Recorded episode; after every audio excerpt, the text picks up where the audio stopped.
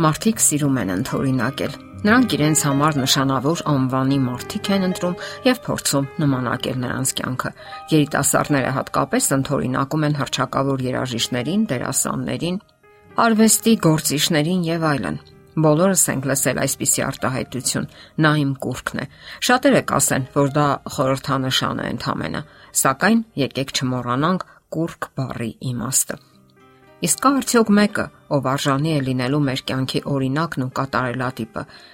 Այո, նման անznավորություն կա։ Դա Հիսուս Քրիստոսն է, որի կյանքն իսկապես արժանի է ընթորինակման եւ որի ծնունդը կանխագուշակվել է Աստվածաշնչյան մարգարեների կողմից դեռևս հազարամյակներ առաջ եւ մարգարեությունը իսկապես կատարվեց։ Նա ծնվեց աննշան մսուրքում, որpիսի դառնա մեր մեղքերի ազատագրիչը։ Ծնվեց, որpիսի մեզ սովորեցնի սիրել մարդկանց եւ կարեկցել, բարություն անել, օգնել ապրելու դժվարության ու հոգսերի, տառապանքների ու վշտերի այս երկրային կյանքում։ Այսօր էլ մենք ապրում ենք մեղքի ժամանակներում։ Այսօր առավել քան երբևէ մեզ անհրաժեշտ է Հիսուսը։ Նա է մեր ապավինությունը անարթարությունների ու խարդախության, բռնությունների ու անհուսության մեր ժամանակաշրջանում։ Հիսուսի կյանքը պետք է օրինակ լինի մեզ համար, որովհետև նա սատարում էր եւ մխիթարում, իր շուրջն էր հավաքում մարդկանց եւ քարոզում արխայության ավետարանը։ Եվ ի վերջո փոխվում էր մարդկանց կյանքն ու սրտերը, եւ նա կյանքի ու վարվելակերպի օրինակ ցույց տվեց մարդկանց։ Մենք էլ կարող ենք այդպես վարվել մեր հնարավորությունների եւ ընտունակությունների սահմանում։ Հիսուսն ապրեց մարդկային չափանիշներով մի կարճ կյանք, սակայն այդ կյանքը օրինակ է մեզ համար։ Չէ որ նա ծնվեց եւ մեծացավ մարդկային չափանիշներով աննշան մի վայրում, մսուրքում։ Աշխարի փրկիչը ծնվեց ամենահամեստ ու աղքատ վայրում։ Այսօր անհնար է անգամ պատկերացնել, որ հնարավոր է ծնվել նման վայրում։ Նույնիսկ այդ ժամանակ երեխաները ծնվում էին տան պայմաններում։ Նա ապրեց համեստ եւ աստվածավախ ծնողների ներկայության մեջ։ Իր երկրային հայրը նրան սովորեցրեց իր համեստ արհեստը Հյուսնի ворթի, այսպես էին հաճախ անվանում նրան։ Նա ապրեց անմեղ կյանքով։ Իր ներկայությամբ, կյանքով եւ գործունեությամբ նա ցույց տվեց երկնային Աստծուն, ցույց տվեց սիրո օրինակ, որովհետեւ մեր հանդեպ ունեցած սերը աննախադեպ էր իր բնույթով։ Այդ սերն այնքան մեծ էր, որ նա մահացավ հանուն մեզ, հանուն մարդու։ Այդ մահը մեզ հնարավորություն տվեց ներվելու մեր բոլոր մեղքերից եւ ազատագրվելու մեղքի անեծքից։ Մեղք, որի վարձքը մահն է։ Սակայն այսօր մենք ապաշխարության հնարավորություն ունենք, ինչպես նաև նրան ծառայելու հնարավորություն։ Ծառայել նրան նշանակում է ապրել Աստվածահաճո կյանքով, ցույց տալ արդարության եւ առաքինի կյանքի օրինակ, որ այնքան դժվար է գտնել եւ ցույց տալ մեր օրերում։ Աստվածաշնչում կարդում ենք, որ Հիսուսի առաջին գալստյան նպատակը այն էր, որ բացահայտի Աստծո սերն ու ողորմածությունը կործանվող մարդկության հանդեպ բացահայտի մոլորված մարդկությանը երկնավոր հոր եզակի եւ սիրառատ բնավորությունը եւ այդ սիրո գլխավոր ապացույցը Քրիստոսի մահն էր Գողգոթայի վրա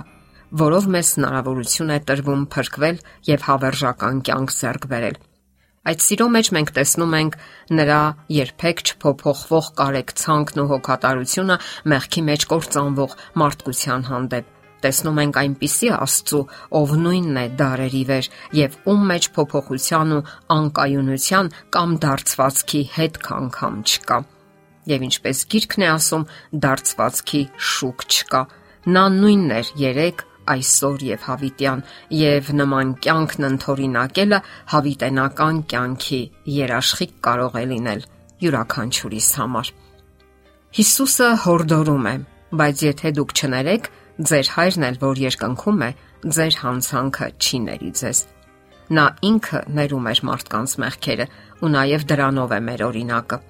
Իսկ դուք կարողանում եք ներել, թե տակարյուն եք եւ անմիջապես բռնկվում եք վիրավորանքներից, Մտածում եք, որ պետք չէ ներել եւ որ դիմասինը արժանի չէ ձեր ներմանը։ Մտորեք այդ մասին։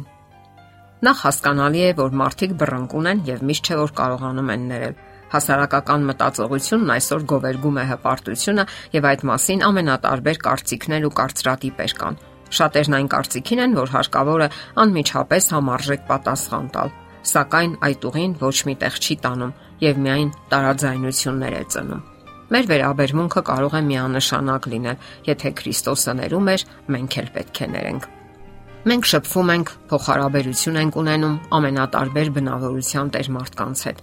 Հնարավոր են իհարկե բախումներ ու տարաձայնություններ, սակայն պետք չէ կանգ առնել բացասական պահերի վրա եւ շատ լուրջ ընդունել դրանք։ Կյանքն այնքան էլ երկար չէ միայն բացասական երևույթների վրա կանգ առնելու համար։ Դուք պետք է ներեք մարդկանց պարզապես այն բանի համար, որ նրանք անկատար էակներ են։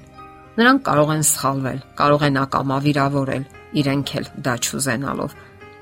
Իհարկե, կլինեն դեպքեր, երբ ձեզ վիրավորում են միտումնավոր, այդպես էլ է պատահում, որովհետև մարդիկ ունեն բնավորության հիմնախնդիրներ։ Իսկ դուք լավ մտածեք այդ մասին։ Դուք կատարյալ եք։ Չեմ կարծում, Ահա թե ինչու հարկավոր է զգույշ լինել մեր բոլոր խոսքերում եւ արարքներում, ինչպես նաեւ ձայնի երանգներում։ Կարևոր է ոչ այնքան այն, թե ինչ ենք ասում, այլ թե ինչպես ենք ասում։ Այսպիսով մենք ունենք լավագույն օրինակը, թե ում կարող ենք հետևել։ Դա Հիսուս Քրիստոսն է։ Օրինակն այն բանի, թե ինչպես էր շփվում նա մարդկանց հետ՝ սիրով, իմաստությամբ եւ իր կյանքի օրինակով։ Իսկ լավագույն օրինակը սեփական կյանքն է այն ապացույցներ չի պահանջում։ Եթերում ղողանջ հավերժության հաղորդաշարներ։ Հարցերի եւ առաջարկությունների համար զանգահարել 033 87 87 87 հեռախոսահամարով։